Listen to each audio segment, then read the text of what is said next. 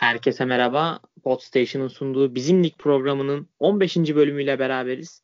Ben Burak Başoğlu. Yanımda her zaman olduğu gibi Semih Durası ve Burak Ay var. Beyler hoş geldiniz. Hoş bulduk. Kaliteli bir Süper Lig haftasını geride bıraktık. Ee, bu programda da 3 büyükleri ve Alanya Spor'u konuşacağız.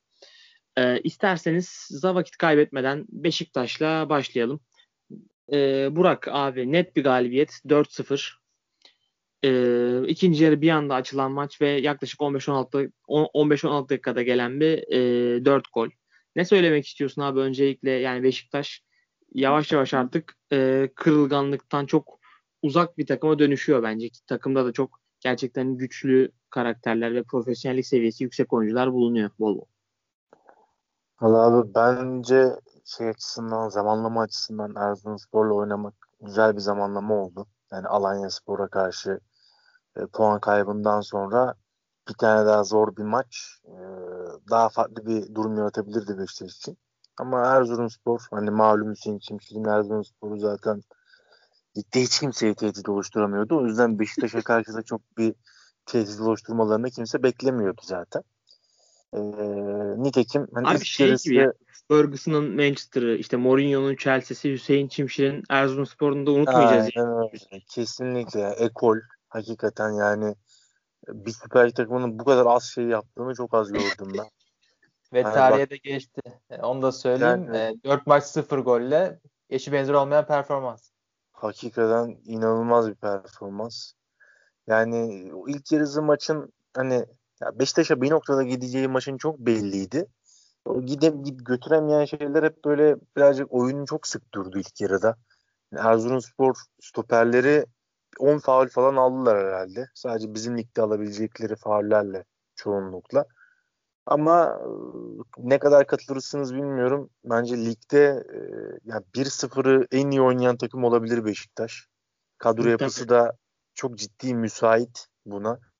Hani o ilk golü bulup hem rakibin bir dağılmasından hem de rakip biraz olsun açılırsa biraz beraberliği ararsa çok ciddi bir kontra tehdidiyle e, karşılık veriyor sürekli. Zaten Sergen Yalçın'ın transfer dönemi boyunca yaptığı transferlerin hemen hemen çoğu yani Gezzel haricindeki bütün transferler atletizmiyle ağırlıklı olarak öne çıkan oyunculardı. Yani 10 numara tercihi olan Mensah bile bu yönüyle öne çıkan bir oyuncuydu. Ee, hani o maçın biraz gitgele biraz tempoya döndüğü maçlarda oyunun Beşiktaş çok ciddi şekilde fark yaratıyor. Yani set oyununda yaratamadığı farkı aslında e, bu geçiş oyunlarıyla e, tempolu oyunla kotarıyor. Erzurumspor'un zaten hakikaten hani bir dağılmaya çok müsait bir havası var. Çok iyi zamanda oynadı Beşiktaş Erzurumspor mesela. Önümüzdeki hafta Erzurumspor oynasa muhtemelen yeni bir hoca gelmiş olacak. E, farklı bir e, tabii, atmosfer tabii, olacak kesinlikle. ama Diyorum daha yani, iyi çok, bir zamanda kesinlikle. Aynen öyle yani. Hem Alanya maçı üstüne gelmesi hem dediğin gibi Erzurum'un e, olduğu şu an olduğu takım haftaya olabileceği takım derken çok ideal çok böyle yumuşak bir haftada geçirmiş oldu Erzurumspor maçını.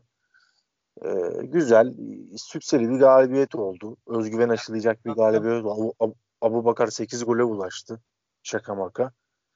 Aynen derken, öyle. Abu Bakar sonunda ligin gol kralı durumunda ve aynen, ben e, onu duyunca şaşırdım. Çok üzerine çıktı yani şu anda. Aynen ligin ilk birkaç haftasında biraz es geçtiğini düşünürsek hakikaten iyi bir ritim yakaladı o da. Beşiktaş açısından çok temiz bir galibiyet oldu. Aynen öyle yani Beşiktaş şu anda e, o bay geçtiği haftadan sonra e, taraftarlarının ilk dönemde bir siyah yaşattı ama şu anda gayet bembeyaz temiz bir ortam var ve e, gerçekten taraftarları da e, uzun bir zamandan sonra net bir şekilde tara şampiyonluğa inandırmış bir takım. Görüyoruz bence. Ne diyorsun Semih? Ya sanırım artık geçiş hücumlarında ligin en iyi takımı olduğunu e, rahatlıkla söyleyebiliriz Beşiktaş'ın. Kapanan takımları açmakta biraz zorlanıyorlar. Onun dışında büyük problem yok. 1-0'ı çok iyi oynuyor dedi Beşiktaş. E, Burak öyle söyledi. Ki Aynen sonuna kadar haklı. E, son 24 maçlarında öne geçtikleri maçlarda son 24 maçta 23'ünde kazandılar. Süper Lig'in açık ara en iyisi bu anda Beşiktaş. Öne geçiyorsa bir şekilde oyunu domine eden, kontrol eden, maçı kaybetmeyen, puan kaybetmeyen bir takım var. Ve e, kilidi açtıktan sonra devamı da geliyor zaten. Bu maçta da biz bunu çok iyi gördük. Ama 45-55 arasında birkaç kez e, defanstan pas yaparken, çıkışları yapmaya çalışırken top kaybı yapan takım vardı. Erzurum bir iki kez. Eğer daha iyi pas atabilseydi pozisyona girebilirdi. Ama oyunun geneline baktığımız zaman e, özellikle ceza sahası içine nasıl gireceğini iyi bilen, ne yapması gerektiğini iyi bilen bir takım var. Yani o akışkanlık artık yakalanmış oldu Beşiktaş'ta. Aynen Ve öyle. bu kadar fazla puan kaybı yaparken rakiplerde artık şampiyonluğun içinde ben de varım diyen bir takım oldu. Ya tabii şu anda zaten Fenerbahçe'den bir maçı eksik ve bir puan geride Beşiktaş. Yani kazandığı anda maçlarını Fenerbahçe'nin iki puan önüne geçmiş oluyor. E, Galatasaray'dan e, bir puan geride ve gayet artık e, yarışın net bir şekilde içinde Beşiktaş. E, zaten yani çok hafta var yani şu, şu anda olmasa ileride de girerdi muhtemelen yarışın içine ama e, bence önemli bir mesaj verdi rakiplerinin kaybettiği haftada kazan kazanarak. Yani bu hafta Beşiktaş için yani bu klişeyi çok sevmiyorum aslında ama e, oyundan çok galibiyet önemliydi ve galibiyeti de çok e, sürklase ederek rakibini birkaç dakika içinde aldı. E, bunun dışında abi ben Beşiktaş'ta şeye değinmek istiyorum. Yani e, Fenerbahçe'de Galatasaray'da e, göre bir e, artısı bence Beşiktaş'ın Joseph, Atiba ve Abu Bakar gibi hiç e, işin bu takım içinde lobicilik, işte e, adamcılık işlerine girmeden ama güçlü bir karakter olarak ve liderlik sergileyerek aynı zamanda profesyonellik seviyesi de yüksek oyuncular ve böyle 3 oyuncuyu e, takımda bulundurmak bence şampiyonluk yarışı için veya ligin geri kalanında e, kırılganlık göstermemek açısından çok değerli buluyorum ben bu 3 oyuncuyu. E, bilmem siz bana katılır mısınız? Yani abi ben katılırım. Hani benim o isimlerin yanında böyle zikretmek istediğim bir isim daha var şahsen. Bu da yani tabii takım üzerindeki etkisinin o, o denli güçlü olduğunu düşünmüyorum. Ama hani bir örnek teşkil edebilecek bir oyuncu olarak abi Necip Uysal yani Beşiktaş'ta çok inişli çıkışlı zamanları oldu. 8-9 sezondur A takımın altyapıdan düzenli bir şekilde forma şansı bulan tek oyuncusu. Altyapıdan çıkmış olup. Ama yani bu sezon yani sezona sağ beksiz başlandı. Sağ bekte başladı sezona. Sonra bir ara Vida ile alakalı bir takım sağ dışı problemler oldu. Wellington sağ içi problemlerden dışarıda kaldı. Gitti Montero ile bir stoper tandemiyle Başakşehir Fenerbahçe maçları oynadı. Bugün evet. gene yoktu. Ciddi bir rakip yoktu karşısında ama iyi bir sağ bek performansı sergiledi derken hani Necip'i böyle her her zaman olduğundan zaten her zaman hazırdı fiziken. Necip'i yani birçok konuda eleştirirdin ama yani Necip bugün hiç hazır değildi. Necip salmış kendini falan filan diyemiyorduk. Ee, yine öyle ve çok daha böyle aklı yerinde bir havası var sezonun şu kısmına kadar. Yani ne zaman görev verilse oynayan. Ben bu siz pek takip ediyor musunuz bilmiyorum ama Beşiktaş'ın YouTube kanalında bu ara çok sık bir e, bir Liverpool, Dortmund YouTube kanallarında göreceğin türden işte quiz programları falan yapılıyor. Orada yani ben bu yerli genç oyuncular üzerinde özellikle görüyorum. Orada hani bir özellikle yerli oyuncular için bir, bir rolü de üstlenmiş görebildiğim kadarıyla. Önceden bu yani. biraz daha Olcay Şahanların olduğu dönemde hani Olcay'ın Cenk'in daha üstlendiği bir şeydi. Hani iyi profesyonellerden oluşan bir Beşiktaş takımı var. Özellikle de senin de dediğin gibi Fenerbahçe'deki e, oyuncu karakterlerine kıyasla çok daha kendi işine bakan e, oyunculardan kurulu. E, takımda böyle yıllardır e, olan ya da Türk futbolunu yıllardır domine eden bir yerli oyuncunun da olmaması e, Beşiktaş'a bu uzun vadede bu sezon, sonraki sezon önemli bir artı değer katacaktır. Abi ben Necip Uysal gibi oyuncularla ilgili yani Necip Uysal tipi işte Necip Uysal Fenerbahçe'de Hasan, Hasan Ali Kaldırım var. Bu tip oyuncularla ilgili benim net bir görüşüm var. Ne çok ne çok övmeye gerek var takım iyi giderken ne de takım kötü giderken de çok fazla eleştirmeye gerek var. Yani görevlerini yapıyorlar. Yapmaları Abi, gereken de bu zaten. Abi Yeteneği ya... yani kısıtlı bir oyuncu. Hazır olmaktan başka şansı yok. O da hazır olarak elinden geleni yapmış oluyor. Ee, tabii ki saygı değer bir hareket ama e, mesela takım kötü giderken de bu oyuncular çok eleştirilir.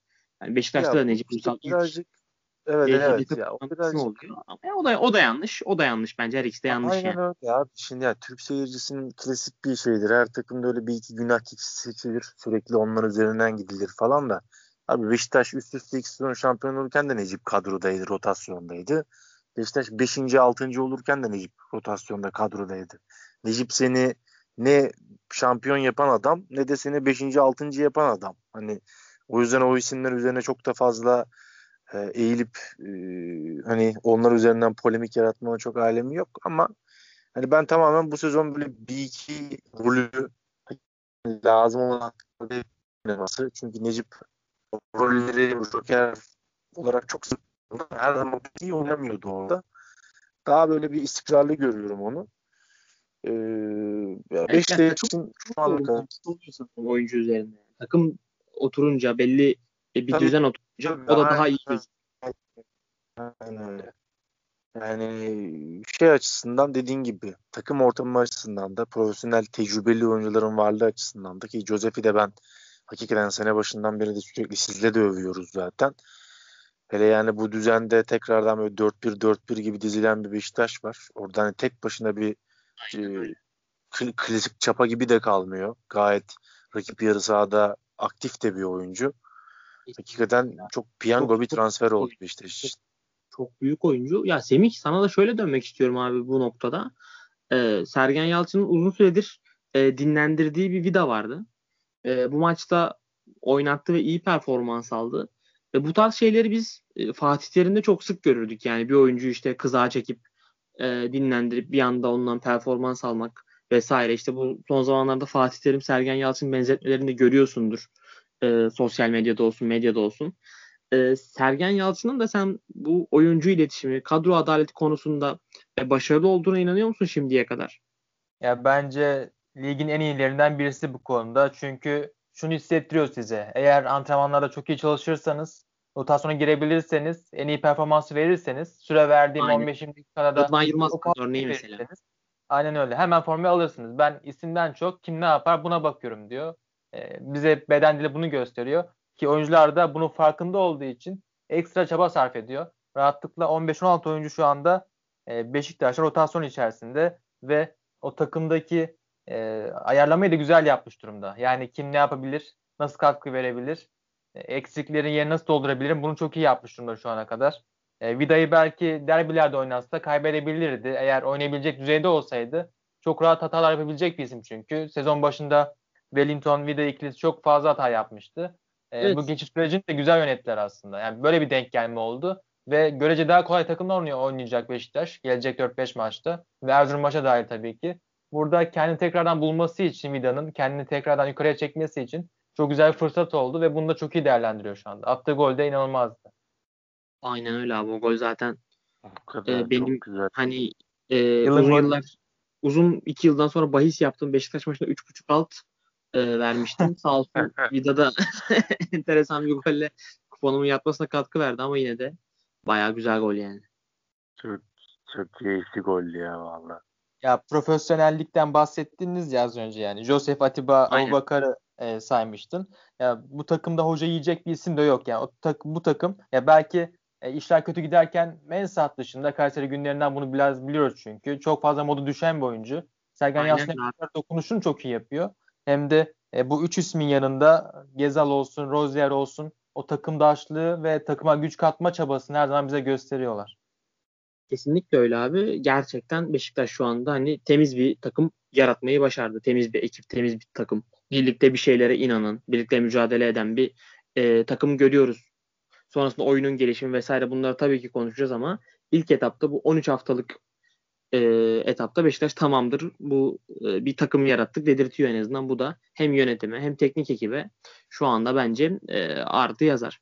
E, evet, Beşiktaş'la ilgili abi eklemek istediğiniz berbat. farklı bir konu var mı? Yani dinliyorum. Berbat, berbat bir sezon başlangıcının üzerine hakikaten e, rakiplerin de puan kaybediyor olmasıyla yani iyi bir noktaya getirdi hakikaten Beşiktaş kendini. E, benim ekstradan söyleyeceğim çok bir şey yok. Sadece şu Ersin'in yani herhalde geriden oyun kurma konusunda en yetersiz kaleci olabilir ligde. Semih belki sen de fark etmişsindir maçı tamamen izlediysen. Yani top ayağına ne zaman gelse Ersin'in ben geriliyorum ya.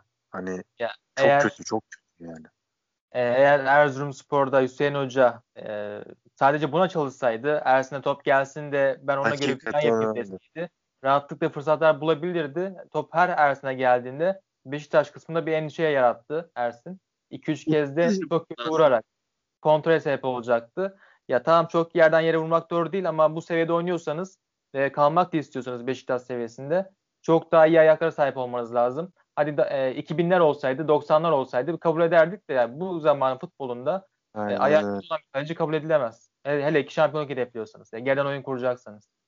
Evet yani şey her kalecinin ayağı çok iyi olmak zorunda değil tabii ki ama kabul edilebilir bir seviye var. Yani o kabul edilebilirin altına, altına düşünce e, takıma eksi yazıyorsun. O kötü. O onun olması lazım yani. En azından belli bir sev 10 üzerinden 4'lük evet, bir performans sergilemesi lazım. Yani. olması lazım kesinlikle.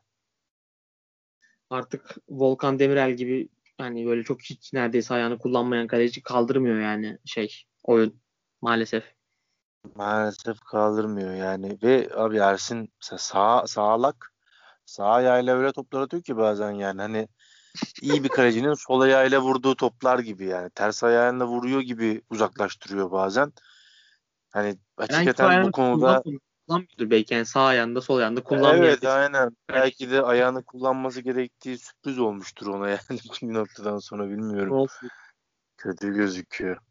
Ya taç oluyor evet. toplar ya rakibe geçiyordu. Ya ben de son şunu ekleyeyim. E, sezon en erken açan takımdı. E, Beşiktaş POK maçı açmıştı. Hocanın ve yönetimin arası hiç iyi değildi. E, borçlar çok fazlaydı. Ödenmeyen maaşlar vardı. Transferler de istediğim gibi yapılmadı dedim işte hoca. E, bu kadar soruna rağmen bu kadar iyi gidi şu anda şu seviyede çok çok tatminkar bir durum. Ama tabii ki de çok erken açtığı için sezonu Beşiktaş sanki e, yoğun Ocak fikstüründe artık e, her hafta iki maç oynayacak zamanda geliyoruz ikinci yarı itibaren. Yani salı, perşembe, salı, cumartesi gibi maçlar da olacak. E, bu dönemi iyi geçirmeleri çok zor bence. E, bu tempoyu nasıl kaldıracaklar bilemiyorum ama umudu veriyorlar. E, ama bu alanda en çok zorlanacak takım varsa da Beşiktaş olması lazım. Kesinlikle öyle. Ender rotasyon bizde olabilir hakikaten. Aynen öyle. Beşiktaş şu anda e, bir Covid sendromu oldu. Birkaç kişi gitti orada ama şu anda sakatlık konusunda bence gayet temiz bir sezon geçiriyor yani. Aynen öyle. Ee, isterseniz beyler e, e, Gaziantep Fenerbahçe maçına geçelim. E, Sumudika bir büyük takım daha avladı kendi. 3 birlik bir e, mağlubiyet yaşattı Fenerbahçe'ye.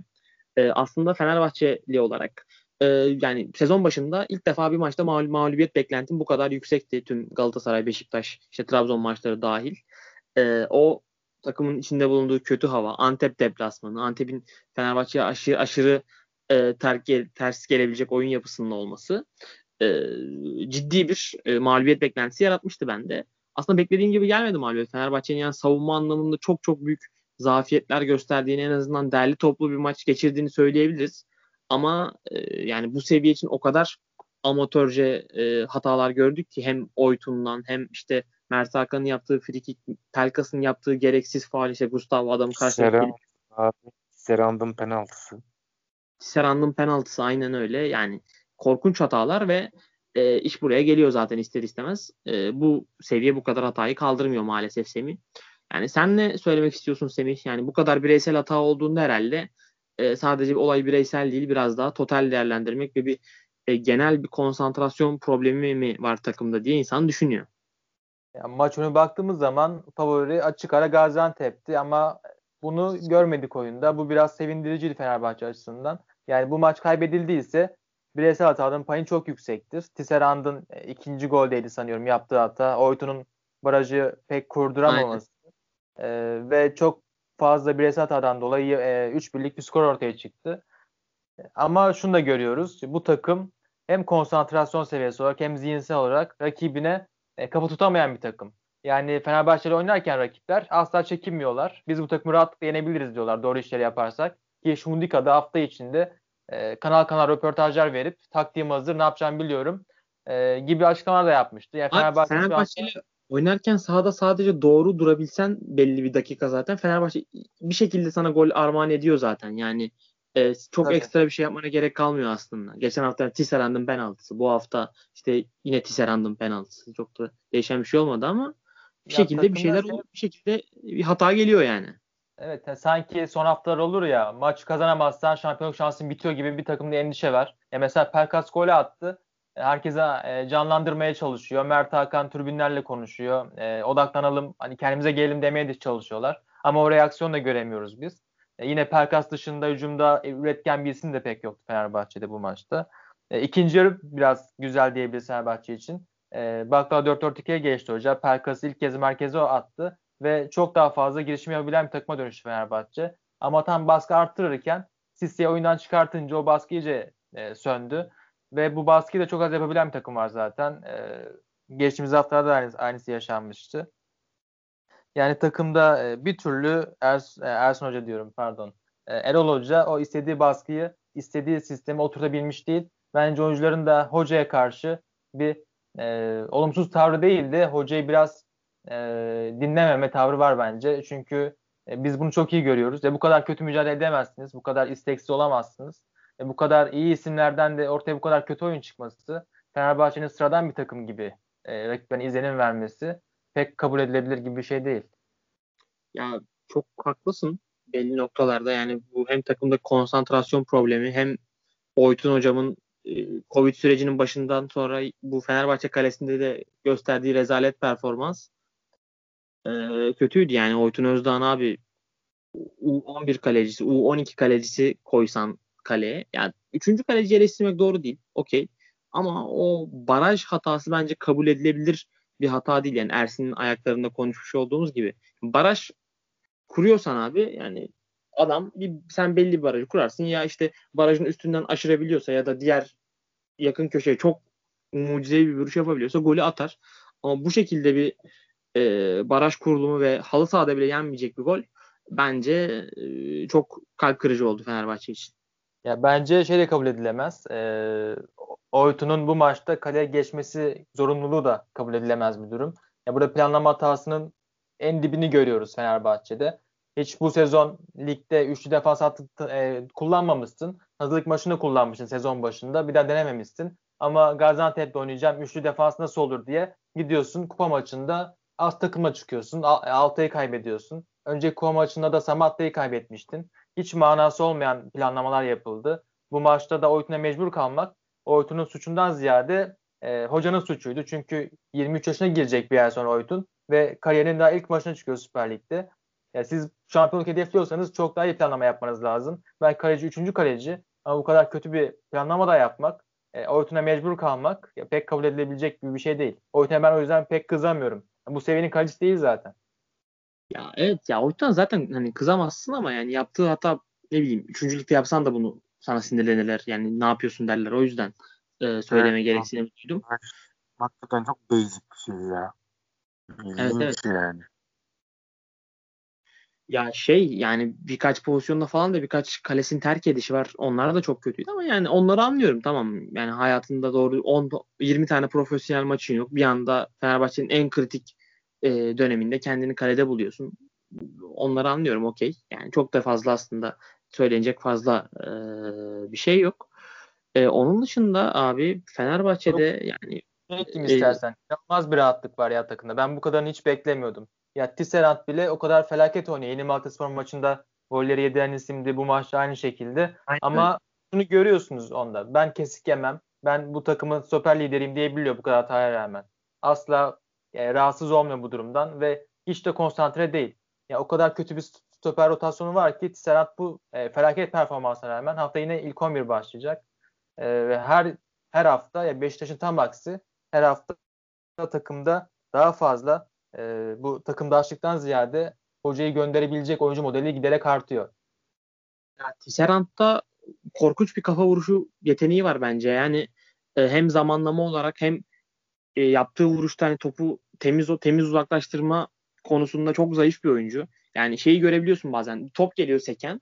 Tisserand topa sıçrıyor ve e, top üstünden geçiyor. Tisserand yere yerde kalıyor ve top arkasına geçmiş oluyor. Yani bu kadar basit bir e, zamanlama hatası bile yapabiliyor. Yani çok kafa toplarında çok bence e, temel bir e, problemi var. E, bir de ekstra savunma organizasyonu da kötü olunca çok çok daha kötü gözüküyor tabii herkes. Şu anda takımda en iyi gözüken stoper Serdar Aziz yani sene başından beri bence şu anda e, neredeyse kötü maçı yok. Yani bir Rize maçında çok kötüydü. Sallandı sezonun ilk, sezonun ilk maçında. Onun dışında hep iyiydi. E şöyle de bir şey var. Sezon başında sen abi Serdar Aziz'i e, gönderecektin. Yani eğer gönderecek bir takım, maaşını alacak bir takım bulsan gönderecektin ve şu anda Tisserand Lemos, Sadık belki bir stoper daha alırdın. O da muhtemelen kötü olurdu ama e, o rotasyonla kalacaktın. Yani e, stoper bölgesinde de Fenerbahçe'nin ciddi bir e, planlama problemi görüyoruz. Sadık Çiftpınar zaten yani Karaca ve birlik maçında bile sırıttı. Lemos ve Tisserand hala soru işareti. Yani korkunç bir planlama stoper konusunda. Bu, bu, bu, bu senin problem de değil bu arada. Son 3 senedir Fenerbahçe e, korkunç stoperlerle oynuyor. Ya evet. devre arasında 2-3 tane e, çok uzattım ben e, biraz e, buraya pas atarım birazdan. E, ya devre arasında muhtemelen 2-3 tane de stoper alınacak. En az bir tane garanti alınacak ve bunun da e, savunma yerleşiminde de problem olduğunu söylemek gerekiyor. Tamam çok kötü stoper olabilir ama siz takım halinde çok kötü yerleşiyorsanız, kötü pozisyon alıyorsanız mutlaka pozisyon veriyorsunuz ve kötü olan stoperin de defoları daha çok ortaya çıkıyor. Takım savunmasında gelişmesi lazım. İlk haftalarda o iyi olan savunma Serhat'ın belki de bu kötü açıklarını bize göstermiyordu ve kötüleştikçe takım çok daha fazla görebiliyoruz. Aynen öyle Semih. Yani e, çok e, doğru bir noktaya yani savunma organizasyonu gerçekten çok e, sıkıntılı. E, Burak sana daha bir şunu şöyle gelmek istiyorum. Yani Gaziantep gerçekten bir e, büyük takım antitezi gibi e, yarattı Sumudika takımı bu sezon. E, ileride işte hızlı bir oyuncu. Mirallas yine hızlı ve teknik bir oyuncu. Diko e, inanılmaz problem yaratabilecek bir oyuncu. Çok iyi e, araya koşular vesaire yapabiliyor. E, sen onların bu sezon e, sıralamada nerede olacaklarını veya şu ana kadar gösterdikleri performansı nasıl buluyorsun? Yani ligdeki şu an sanırım iki yabancı hocadan bir tanesi e, Sumudika ve hani neden daha çok yabancı hoca gelmiyor bu lige diye sorduruyor açıkçası. Ya şimdi şöyle e, öncelikle hani e, Sumudika bir üçlü defans alışkanlığı oturttu Antep'te. Oradaki artık e, özellikle defans beşlisinde Kaji ile beraber e, Güray ile beraber o altıldaki o istikrarı sağladığından beri aslında oradaki oturmuş düzen Şumudike'ye birazcık e, orta saha ve hücum oyuncusu tercihlerinde de birazcık bir elini rahatlatıyor gibi sezdim ben. Hani durup düşündüğünüzde Fenerbahçe maçına hani o Veteh miydi orta sahadaki Vet, oyuncusu? Vetri. Heh, Vetri. Hani bir o direkt bildiğimiz göbek orta saha orijinli. Hani Maxim, Mirallas önlerinde Diko, Muhammed Demir tarzı bir şey deneyebiliyor. Yani orada Maxim Mirallas'ın göbekte olduğu bir düzen normalde sizi belki süründürür ama o arka beşlideki defans yapısı Aynen. o kadar net oturmuş durumda ki e, hani bir göbekten ikinci bir hücum tehdidini ortaya koyabiliyor. E, hani bizim ligdeki takımların da genelde maç önü o taktik hazırlıklarının çok e, kuvvetli olmadığını düşünürsek bunu her geçen gün bir şeyler daha deneyerek daha da ilerletebilir Şumidika. E, hani Gazişehir sezonun kalanında sezonu nerede bitirir, nerede görürüz onu çok bilmiyorum Abi, ama o kadar kötü takımlar ve o kadar kötü oyunlar görüyoruz ki yani en ufak bir pırıltı evet. gösterdiğinde bile zaten bu seni direkt ilk, ona, ilk ona atıyor yani. Ben Gençler Birliği Ankara gücü maçını izledim bu hafta. Yani keşke hiç futbol diye bir şeyle tanışmasaydım dedim yani maçı izlerken. O kadar o kadar korkunç bir maçtı yani. Yok abi hakikaten hani dediğin gibi şimdi en basitinden ligde bir tane üçlü oynayan takım var düzenli olarak. Hani bizim ligin biliyorsunuz ki kanunu 4-2-3-1 oynamak zorundasın ya da 4-3-3. Başka herhangi bir diziliş deneyemiyorsun yani. Orada yani, yani sırf gaz 4-4-2 dizileceksin. Hücumda 4-2-3-1 o şey tabii, zaten. Tabii. Aynen öyle. Bu yani şey şu an şu kurallara aykırı hareket ediyor. Hani şeyden e, kurallara aykırı hareketten tedbirli ceza alıyorsun. Ya bir şeyler yani. gelebilir başına yani hakikaten. Çünkü e, sırf o şeyleriyle bile bir takım farklı oyun e, dizilişleriyle bile ligde böyle Gazişehir diye bir e, takım kimliği oturtabilmiş durumdalar. Bu onlar için çok avantajlı bir durum. E, o da birazcık böyle bir büyük takımlara göz kırpan bir havası var. Şu Mudika ne kadar daha olacak orada çok emin değilim. Ama e, sağlam bir takım olmaya ve dediğin gibi de oyun tarzları itibariyle o kadar büyüklerin karşılaşmak istemeyeceği türden bir takım ki hani fizik olarak güçlü, e, savunmada konsantrasyonunu kolay kolay kaybetmeyen hücuma da hızlı çıkabilen bir takım hani rakip yarı sahada oyun oynamak isteyen her takım için e, işleri çok zorlaştırabilen bir takım. E, Fenerbahçe'nin de öyle sene başından beri burada da hep konuştuğumuz herkesin de malumu olan o güçlü bir oyununun olmamasıyla birleşince Antep'in o antitez oyunu e, Fenerbahçe için çok da bir umut yoktu maç öncesinde. E, ben Erol Bulut'un yani burada en az 2-3 kere dillendirmişimdir. Yani şu ademi Ben anlamıyorum yani hakikaten. Bu Ademi nasıl bir oyuncu? Nereden geldi her şeyden önce? İdmanlarda ne yapıyor? Hani bir şekilde çünkü onu oyuna bir şekilde alıyor ve hakikaten olumlu etki ettiği de olmadı daha ama yine alıyor.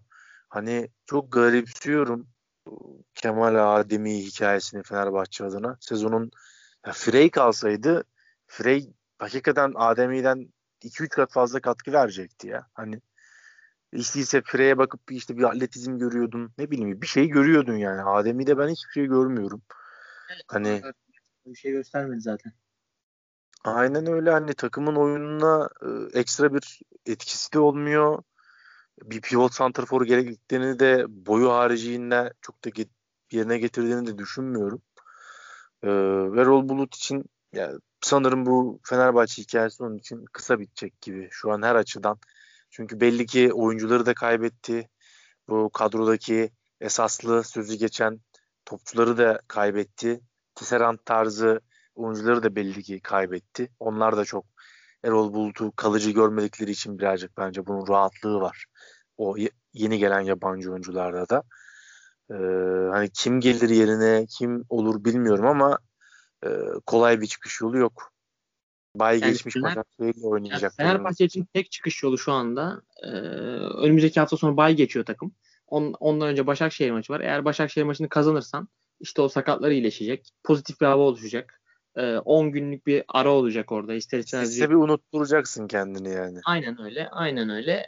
O bir umut ışığı olabilir. Yani Başakşehir maçı bu anlamda hem Erol Bulut için hem Fenerbahçe için sezonun devamı için çok e, kritik ve sonrasındaki 10 günde artık e, bazı şeyleri çözmek için yeterli bir süre olacaktır eğer galibiyet halinde ama mağlubiyet halinde e, o 10 günde çok zor geçer açıkçası. E, yani o Semih, günde Erol Bulut hala orada olur mu ben pek emin olmam Başakşehir'e yenemezse. Ben, evet evet olabilir yani öyle bir ihtimal de var.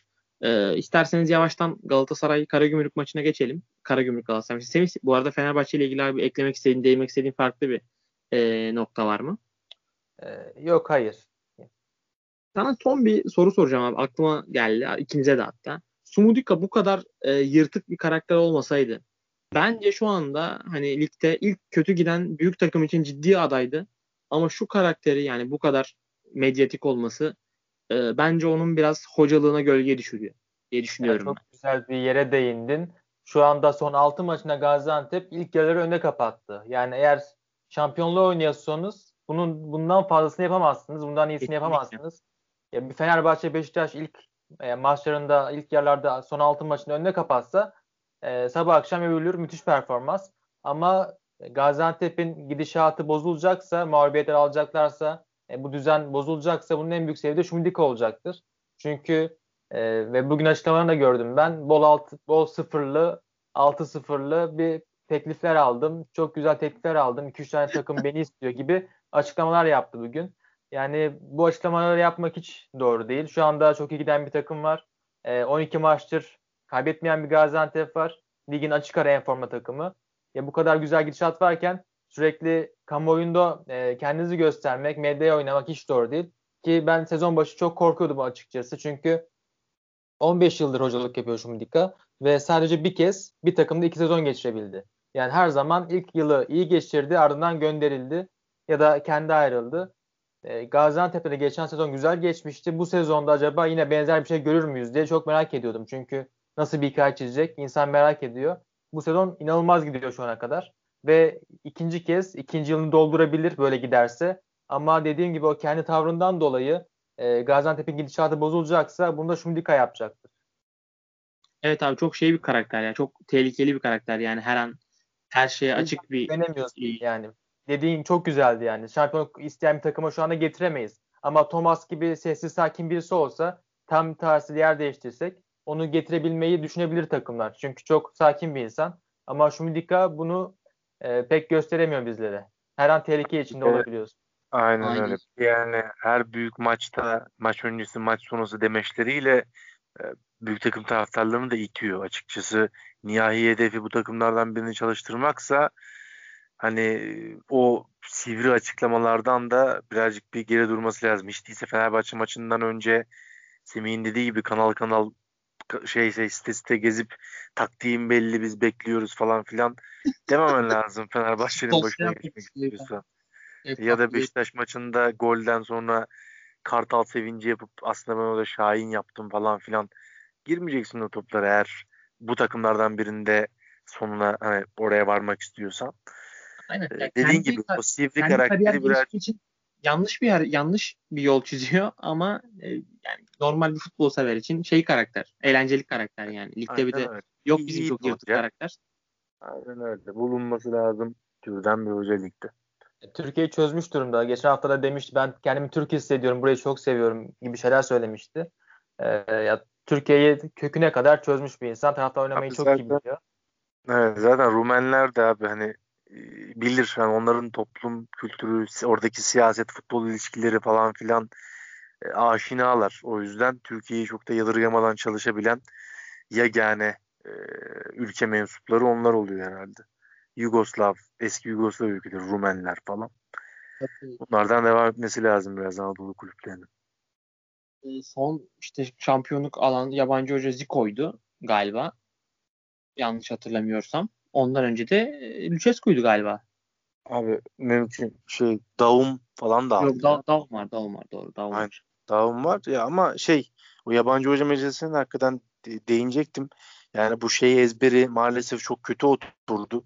Hani Türkiye abi işte yerli hoca yapıyor şampiyon şey yapamıyor falan filan şeyi o tamam tamamı da işin dayandığı argümanın dayandığı şey de genelde sağ dışına ima. Hani Türkiye'deki hakem ortamı, Türkiye'deki federasyon ortamı falan filan bunları Türk hoca idare edebiliyor ya falan filan geldi ama hani eğri oturup doğru konuşalım. Son 6-7 senedir e, Türk teknik adamlardan şey yapıyoruz. Şenol Güneş'in Beşiktaş'taki dönemi haricinde Avrupa kupalarında halinde görüyoruz. Her giden Türk takımı oradan rezil olarak dönüyor neredeyse. Bir de hani bir iki sezondur tabii Okan Buruk ama Okan Buruk da zaten ligin hani yeni nesil hocaları arasında çok sıyrılan bir Aynen. hoca. Hani çok da iyiye gitmiyor. Ligin futbol kalitesi ortada. Türk takımlarının Avrupa'daki durumu ortada. Yani Sivas Spor'un Hapoel Berşeva karşısındaki halini görüyoruz yani. Helal. Ee, yani abi gol arayacağında içeriye 2-3 adam gönderip orta açmak dışında hiçbir şey yapamadı Rıza Çalınbay. Bu ligin 20 yıldır teknik adamı durup düşündüğünde. O yüzden umarım bu Şumudika tarzı başarılı örnekleri arttıkça bir nebze daha öyle eskisi gibi gene yabancı teknik direktör çöplüğü olmasın ama e, yani Hüseyin Çimşir de devralmasın. Hikmet Karaman da devralmasın işte Erzurumspor'u yani. Aynen öyle abi ve ve Fenerbahçe ile Beşiktaş oldukça uzun konuştuk. Hızlı evet. bir şekilde, tempolu bir şekilde e, Karagümrük Galatasaray maçına geçelim beyler. Karagümrük Galatasaray maçı Süper Lig'de son zamanlarda izlediğim en hikayeli maçlardan biri oldu. Penaltı olsun, Fatih Terim'in atılması olsun. İşte 90 e, artı 11'de Mevlüt Erdinç'in golü olsun. Yani Mevlüt Erdinç'in gol atması zaten yani bayağı uzun zamandır görmediğimiz bir olay oldu. Hikaye ya, hikaye. Ee, o yüzden özel bir maçtı. Ee, yani Galatasaray için de Karagümrük için de önemli donelere önemli donelere ulaştık aslında bu maçta. Yani ben şöyle yaşlıyım kendi açımdan. Ee, Karagümrük'ün e, maçın başından itibaren Galatasaray sahasında 4 kişiyle 5 kişiyle kalması işte Taylan'a yapı çok sert bir 3. bölge presi yapmasalar da o ikinci bölgenin şey kısmında kalabalık kalarak Galatasaray Galatasaray yarı sahasında kalabalık kalarak bence Galatasaray'ın oyun kurulumunu çok bozdular. Galatasaray'ın rahat bir şekilde topa hükmetmesine izin vermediler. Hatta Semih hatırlarsın geçen hafta burada konuşmuştuk. Ben başlatmıştım konuyu. Sonra bir tartışma olmuştu işte. Hani Alanya Spor yaptı, Fenerbahçe yaptı bunu. Bunu yapınca Galatasaray'ın oyunu bozabiliyorsun dedik. Ve bence Karagümrük Spor onu bu maçta belli oranda uyguladı. Ve kazandılar zaten.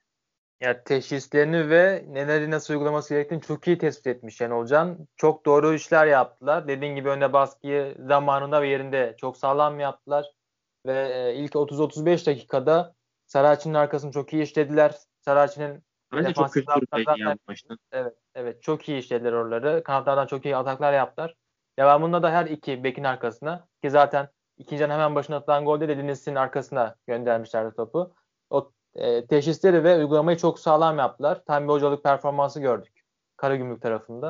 Ya yani Galatasaray yerden yere vuruluyor. E, ilk isabeti şu 96'da geldi deniliyor. Ama bence o kadar kötü bir oyunda yoktu. Ya. Felaket bir oyunda yoktu bu kadar yerden yere vurulacak seviyesinde. Kesinlikle. Çünkü e, Fegüli'nin kaçırdığı çaprazdan pozisyon var. Emre Akbaba'nın ayağının altından kaçırdığı top var.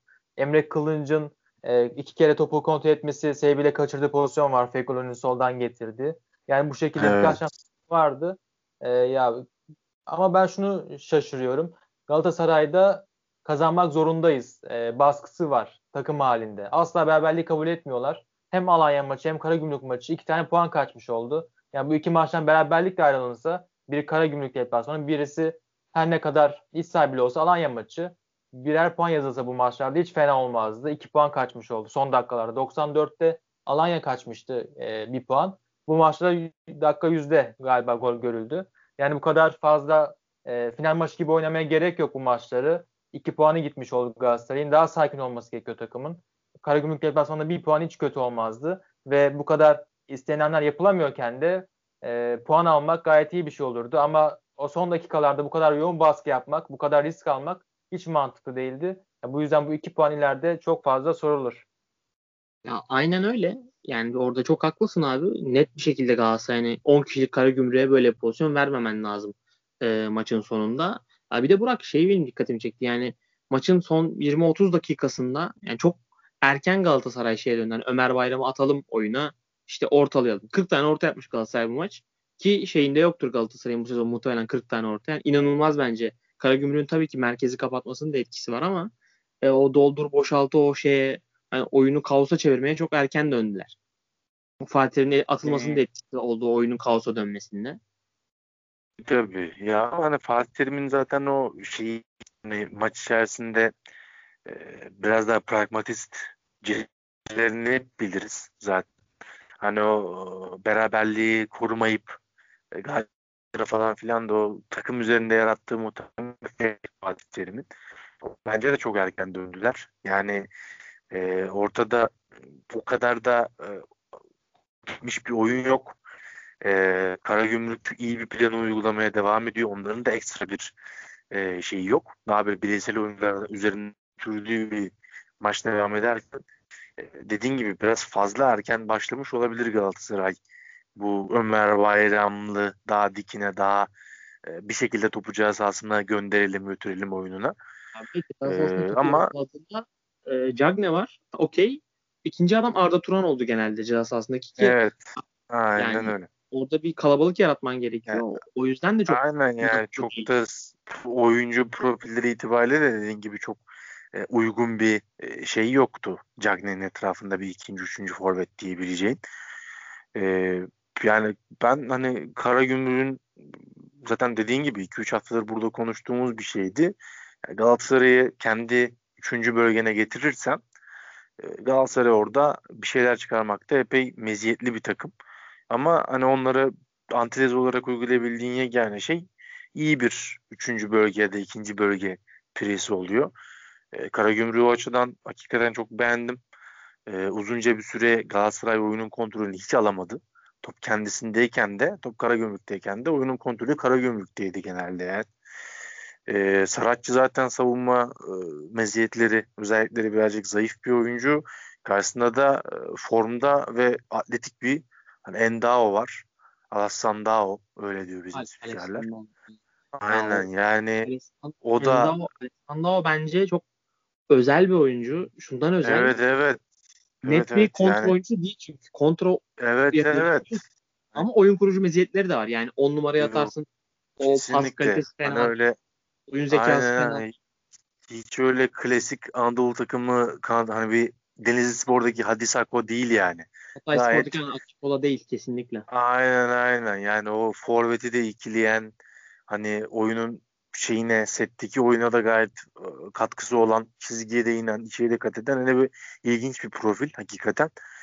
Ee, çok dert oldu Galatasaray'ın başına maçın başından sonuna kadar. Ee, Karagümrük açısından bence güzel bir e, sükseli bir şey oldu. Zaten sene başından beri böyle bir parlak parlak performanslarına denk geliyoruz Karagümrük'ün. Bunu birazcık istikrarlı hale getirmekte zorlanıyorlar sadece. Ee, Galatasaray açısından da e, yani şeyin Fatih Terim'in böyle bir günde bir haftada bir maça göre e, bir takım oyun ezberlerinden vazgeçmeyeceği belli.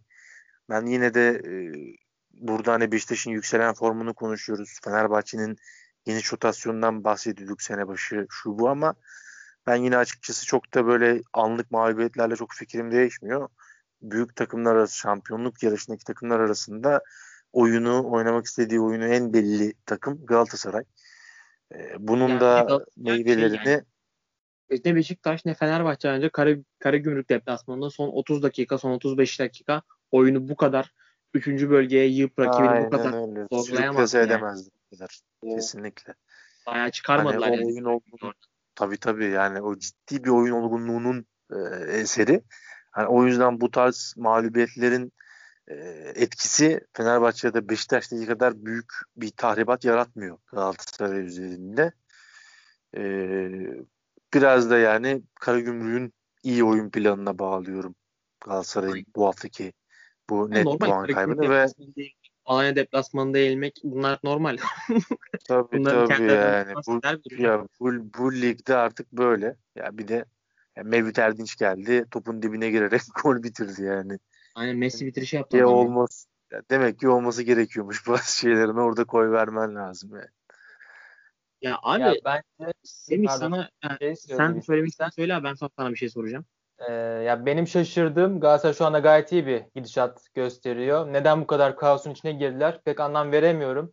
Ya bu maçı belki kaybedersin, belki berabere kalırsın. Ama gelecek maçlarda Göztepe'ye, Trabzon'a, Antalya'ya karşı rahatlıkla 3-3 yapabilecek bir takım Galatasaray. Hani hocasını kaybetmesi sanki final maçıymış, Türkiye Kupası son maçı gibi Marco'yu kaybetmesi, bu kadar kaos yaşaması, maçtan sonra Marco'nun atılması. Ya böyle hiç gerek yok bunlara. Belki de gelecek maçlardaki puan kayıpları. Ne yaptı bu arada gördünüz mü? Ben görmedim.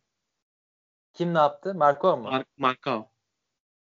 Ee, şu an tam kafamda canlanmadı. Sanıyorum e, tam çekememişti yayıncı kuruluşta onu. Aynen. Yani ben de bir anlamadım. Ben de bilmiyorum. E, hatta içeriye girdikten sonra kırmızıyı gösterdiler. Hakem de öyle yaptı. Orada bir kargaşa yaşandı. Ya sen benim değinmek istediğim konuya değindin aslında. Ya normalde hocanın hani şeyde olması çok etkilemez. Kulübede olmaması çok etkilemez. Ama Galatasaray etkiliyor Fatih Terim'in o kulübede olmaması sanki Semih. Yani e, bence Fatih Terim maçı almak için yani o bence kasıtlı bir aşırı tepkiydi hakeme karşı. Yani hem takımda bir hareket yaratmak hem hakem üstünde baskı oluşturmak için ki çok e, normal ve anlayabileceğimiz bir şey. Bunu yani hocalar zaman zaman yapar. Ergin Ataman da mesela bir şey yapar. Teknik faal alır. Maçta bir kıvılcım yaratırdı. Fatih Terim de bunu yaptı anlıyoruz ama yani sonrasında sahaya girmesi tedbiri varken işte evet, 6 7 8 belki daha fazla maç cezalar konuşuluyor. Yani Galatasaray hasar verir mi sence bu durum? E, ben buna çok şaşırdım. Çünkü o ilk atıldığında aklıma Mersin maçı geldi. Yani böyle şeyleri kıvılcımları sever hoca. E, takımı ateşlemek ister. Ama maçın sonunda da inip aşağıya inmemesi gerekirken belki tek o pozisyonda 3-4 maç ceza alacak. İnip e, söylenmerde bulunması. Ya sanki öyle bir atmosfer vardı ki o anda Galatasaray 5-6 maçları kazanamıyormuş. Öne geçmiş ama hak yenilmiş gibi bir algı vardı sanki o anda. Ya takım zaten iyi gidiyor. Bunlar hiç gerek yok. E, hiçbir sorununuz yaşanmamış. Sorun yok zaten. Takım işliyor şu anda. Yani Fatih Hoca'nın kulübede olmaması bence 2-3 e, maçta gelecek maçlarda eğer örneğin 6 maç ceza alırsa bence 2 maçta çok büyük etki gösterir. Puan kaybına sebep olur. Ama e, buradan toparlayabilecek bir varsa o da Fatih Terim'dir. Bu işleri artık kitabını yazmış birisi. Çok iyi ne yaptın, ne yaptığını, ne yapabileceğini çok iyi bilen bir isim. E, yani geri dönüş yapacaksa da e, yaptıracağı puan kayıplarında da toparlanmayı çok iyi bilen bir isim. Yani başka bir hoca olsaydı örneğin Erol Hoca 7 maç ceza alsaydı böyle bir maçtan sonra e, artık ipler kopardı ama Fatih Terim olduğu için şu anda e, hocanın atılışı ve mağlubiyetten ziyade yine e, birlik olmuş bir Galatasaray var. Yine örgütlenmiş bir Galatasaray var. E, sosyal medyada da şu anda Fatih Terim için sevgi gösterileri yapılıyor. Yani bu işte çok yapıyor Fatih Hoca ve e, pek olumsuz yansıması şansı da yok gelecek maçlarda. Yani belki puan kaybı yaparsın ama ikinci yarılarda e, bir 7'de 7 yaparsın, 8'de 8 yaparsın geçen sezon gibi. Rahatlıkla toparlayabilecek bir düzeyde. Ya aynen öyle yani o Burak'la biz geçen e, podcast'te de konuşmuştuk. Hatta o podcast'ten sonra konuşmuştuk galiba. Yani Fatih Terim bir şekilde e, camiayı çok iyi konsolide ediyor ve şampiyonluğa tamamen tek vücut halinde odaklıyor gerçekten. Evet. Yani ve her seferinde sezonun aşağı yukarı bu haftalarında o tarz bir şey olur. Şimdi de yani e, birkaç maç ceza alacağı belli bir dönemde o şey e, nerede kalmıştık tweetini tekrardan yeni bir versiyonunu atarak bir şey yaptı. Hani seviyor o tarz şeyleri biraz e, Fatih Terim. Hani saha içi hocalığının yanı sıra ya. Tabii tabii kesinlikle. Yani o saha içinin hocalığı ne kadar hani etki sahibiyse Türkiye'de bugüne kadarki başarılarında bu saha dışına yönelik yaptığı hareketlerin de hep bir karşılığı olmuştur. Özellikle Galatasaray camiasında. Çok kez denediği, çok kez de başarılı olduğu hani e, yöntemler. Yani ben Fatih Terim'in orada tedbirli olduğu halde sahaya inmesinde bunun hani ona dönüşünün farkında olmadığına e, inanmıyorum yani. O da farkında. Nasıl bir maç cezasıyla ya da şeyle karşılaşacağının. E, birazcık hani hem sahada o an oyunun gidişatını birazcık oyuncular üzerinde bir etki yaratmak istemiş olabilir. Hem de sezonun gelinliği için e, bir şey yapmış olabilir yani. Aynen öyle. E, isterseniz beyler Galatasaray Karagümrük Galatasaray maçında kapatalım. E, Alanya Spor'a değinelim. E, 1-0'lık bir mağlubiyet aldılar. Yalçın Koşukavak Denizli Spor'da ilk maçında 1-0'lık bir e, galibiyetle başladı. E, Alanya Spor ciddi manada zorladılar. E, çok aslında 4-5 gündür teknik direktörle çalışan bir takım olmasına rağmen. E, Semih senin bu maçta e, kısaca yani, dikkatini çeken detayları, e, analizlerini alalım. Yani bu maçta e, biraz beklentinin ötesinde, ötesinde bir maç oldu. İlk maçıydı Yasin Hoca'nın. Çok problemli takım Denizli Spor. Hem Başakşehir maçında hem Fenerbahçe maçında merkezden, kanatlardan her yerden denilen bir takım vardı. Takım savunması çok kötü durumdaydı. Ama bu maçta gelir gelmez ben bu kadar etki beklemiyordum. O etkiyi çok iyi yaptı hoca. Takım çok disiplinliydi. Oyundan hiç kopmadılar. E, kendi bölgelerinde çok iyi durdular topun arkasında. Ve sezonunda e, en düşük top oynamasını yaptılar bu maçta. %19'u sanıyorum. Olabilecek en fazla şekilde bu topu rakibe bıraktılar. Alanya Spor oynasın. Bizi aşamadıkları için kilidi açamazlarsa biz istediğimizi yaparız dediler ve öyle de oldu zaten. İlk yarım saatlerde en fazla gol gören takımdı Denizli Spor. Bunu aşabilmeleri çok önemliydi. E, çünkü bu gol geldikten sonra maç hep farka gidiyordu. Ama o gol görmediğiniz için ilk yarılarda daha sağlam olduğunuz için bu maçta e, bir problem yaşamadılar. Ve gelecek maçlarda belki Denizli Spor birkaç maçta fark da. Ama bu karaktere oturmak hiç kolay değil. Oturtmak hiç kolay değil. E, Yalçın Hoca deyince biz aklımıza e, göze, göze hoş gelen, akıcı paslar yapan, geriden topla çıkan, e, oyun kurmaya çalışan bir takım hayal ediyoruz. Ama evet. Denizli Spor'un yapısı bu değil. Yani Denizli Spor bu değil. Bu takıma ilk olarak cesaret aşılamanız lazım. Oyun karakteri ve ikili mücadelelerde düşmeme aşılamanız lazım. Bunun yanında puanlar da gerekiyor. Ligin dibindeydi çünkü Denizli Spor. Bunların hepsini ilk maçtan gösterdi bize Yalçın Hoca. Ya baştan aşağı doğruları yaptı ilk maçında ve Denizli'ye de bu gerekiyordu. Ya bu takımda bu takımın oyunu şu anda eleştirilmez. 5-6 maç sonra da belki eleştirilmez. Bu e, kadroya göre mecbursunuz bunu oynatmakta. Yalçın Hoca da bunu çok iyi şekilde yaptı. E, gelecek maçlarda bunu aynı şekilde fiziken mücadele sürdürmeleri gerekiyor. Başka türlü yani çünkü yenme şansları yok diyecek kadar az seviyede. Ya, aynen öyle abi. Çok güzel noktalara yani değindim. Ben de Yalçın Koşukovak'la ilgili çok ufak bir e, şeye değineceğim. Yalçın Koşukovan Bursa Spor'da ve İstanbul Spor'da işte al- alamet farkı senin de dediğin gibi e, bu toplu oyunda savunmadan toplu çıkışları çok iyi yaptırması işte gerçekten e, modern bir oyun oynatması e, bunlar çok önemli. Yani Bursa Spor'da ilk 4 hafta geçen sene oynattığı oyun ilk 4 ilk 5 hafta işte o transferler yapılana kadar çok özeldi. Yine özel bir İstanbul Spor performansı vardı. Ama Yalçın Koşukak'ta biz neyi görüyorduk? Bursa Spor'da transferler geldi. Takıma işte papaz diye işte tırnak içinde tabir edeceğimiz oyuncu sayısı çoğalınca e, hoca da onları biraz ikna etmekte zorlandı. Yani o kendi oyununa ikna edemedi oyuncular. İşte daha önce Gaziantep Futbol Kulübü'nde yine bu tarz çok fazla yaşlı e, oyuncu varken o sistemine oturtmakta zorlanmıştı. Yani böyle oyuncularla yüksek profilli oyuncularla çok başarılı olamadı şu ana kadar. Daha çok böyle kendi sistemine e, inanmış genç ve daha böyle kafası temiz oyuncularla e, bir şeyler yaptı. Ama bundan sonrasında Denizli Spor'da o, o tarz bir kadro yok. Yani genç bir kadro yok. Tamamı hatta e, yüksek profilli oyuncular. E, bu aşamada oyuncular ne kadar ikna edecek, nasıl bir oyun oynayacak çok büyük bir merak konusu ve Yalçın Koşukavak için de bence şu anda kariyerinin en önemli testi olacak mı? Yani 9 puan aldılar şu ana kadar. E, 7 puanları en az topla oynadıkları 3 maçta geldi. E, bu takımın topa sahip olup oyunu yönlendirme şansı çok çok düşük seviyede. Ve rakibin hatalarını iyi değerlendiren, olanları iyi kullanan e, bir yapıyla çok rahatlıkla baş olabilirler. E, bu anlayışı devam etmeleri gerekiyor. E, kendilerine yakın takımlara karşı nasıl bir anlayış sergileyecekler? O da bence çok kritik olacaktır. Ya örneğin Erzurum maçı var bu hafta onların. E, çarşamba günü hafta içi mesaisi oynayacaklar. Erzurum karşı top Erzurum'a karşı topu Erzurum'a bırakmak e, pek kolay değil çünkü Erzurum topu bırakmak istiyor. E, bu topu birisi alacak mecburen. Erzurum'a verebilirse Denizlispor e, çok lehine olacak. Şey cümlesi çok hoşuma Erzurumspor'a karşı topu Erzurumspor'a bırakmak kolay değil cümlesi gerçekten şey, şey bir önemli tespit gerçekten kolay değil. Evet. Ee, Burak abi senin e, genel bir Alanya Spor yorumunu alalım ve sonrasında da yavaştan programı kapatalım ve hafta içi maçlarını beklemeye geçelim. Aynen. Ben şaşırdım hani Alanya Spor'un şeyine, mağlubiyetine çok açıkçası rahat bir galibiyet bekliyordum onlar adına. Ee, hani topa da zaten sahip olmakta zorluk çekmiyorlar. Denizli de ekstra bıraktı topu.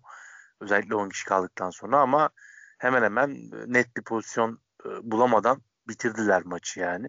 Alliance Spor açısından e, hani düşüşe geçmişken sonra Beşiktaş'ı iyi bir futbolla yenmişken Denizli mağlubiyeti birazcık açıkçası e, soru işareti yaratan bir e, durum oluyor. Ama e, uzun vadede, orta vadede, uzun vadede e, bir şekilde yine toparlayabileceklerini düşünüyorum. Ben Yalçın Kuşukavak'la alakalı sadece bir şey demek istiyorum. Ben şimdi çok iyi bir e, TFF birincilik izleyicisi değilim ama hani takip ettiğim e, bu şeyi ligi takip eden insanlar arasında hani Burak sen de dahilsin ona adına böyle tweetlerde çok sık duyduğum, gördüğüm İstanbul Spor'da, Bursa Spor'da falan bir adamdı. Hani açıkçası ben böyle Süper Lig kariyerine daha böyle bir sezon başlangıcı yapacağı, sezon başında takımın başına geçeceği bir senaryo açıkçası bekliyordum onun adına. Böyle deniz spor tarzı bir e, kadro yapısı itibariyle, bulunduğu durumu itibariyle e, bir kulüpten gelen hani bir can haliyle gelen bir teklifi kabul etmesine açıkçası şaşırdım. Hani profil itibariyle lige lazım olan bir hoca anladığım kadarıyla. O da şey Ama yani, hani teklif alamıyorum. Yani bir şans yakaladım ve en iyi şekilde ha, olabilir, olabilir. Hani mesela atıyorum İlhan Palut da benzer şartlarda gelmişti aslında. Bu kadar kötü değildi Göztepe'nin durumu ama hani iyi bir Göztepe'nin başına gelmemişti ve e, bir şekilde e, orada istikrarlı bir şeye oturttu kendisini. Süper Lig hocası yaptı. Belki o da aynı yolu denedi ama riskli bir deneme. Denizli Spor kadrosu hakikaten e, lig standartlarının altında bir kadro bence. E, bundan sonraki haftalarda bize de e, dikkatle takip edeceğimiz bir takım daha oldu ligimizde. E, merakla bekliyoruz Yasin Koşukovan neler yapacağını. E, beyler eklemek istediğiniz farklı bir e, konu var mı? Benim ee, yok abi. O zaman dinleyicilerimize çok teşekkür ediyoruz. E, hafta içi mesaisini beklemeye başladık yavaştan artık hafta içi maçları da başlıyor. E, herkese çok teşekkürler. Hoşçakalın. Hoşçakalın. Hoşça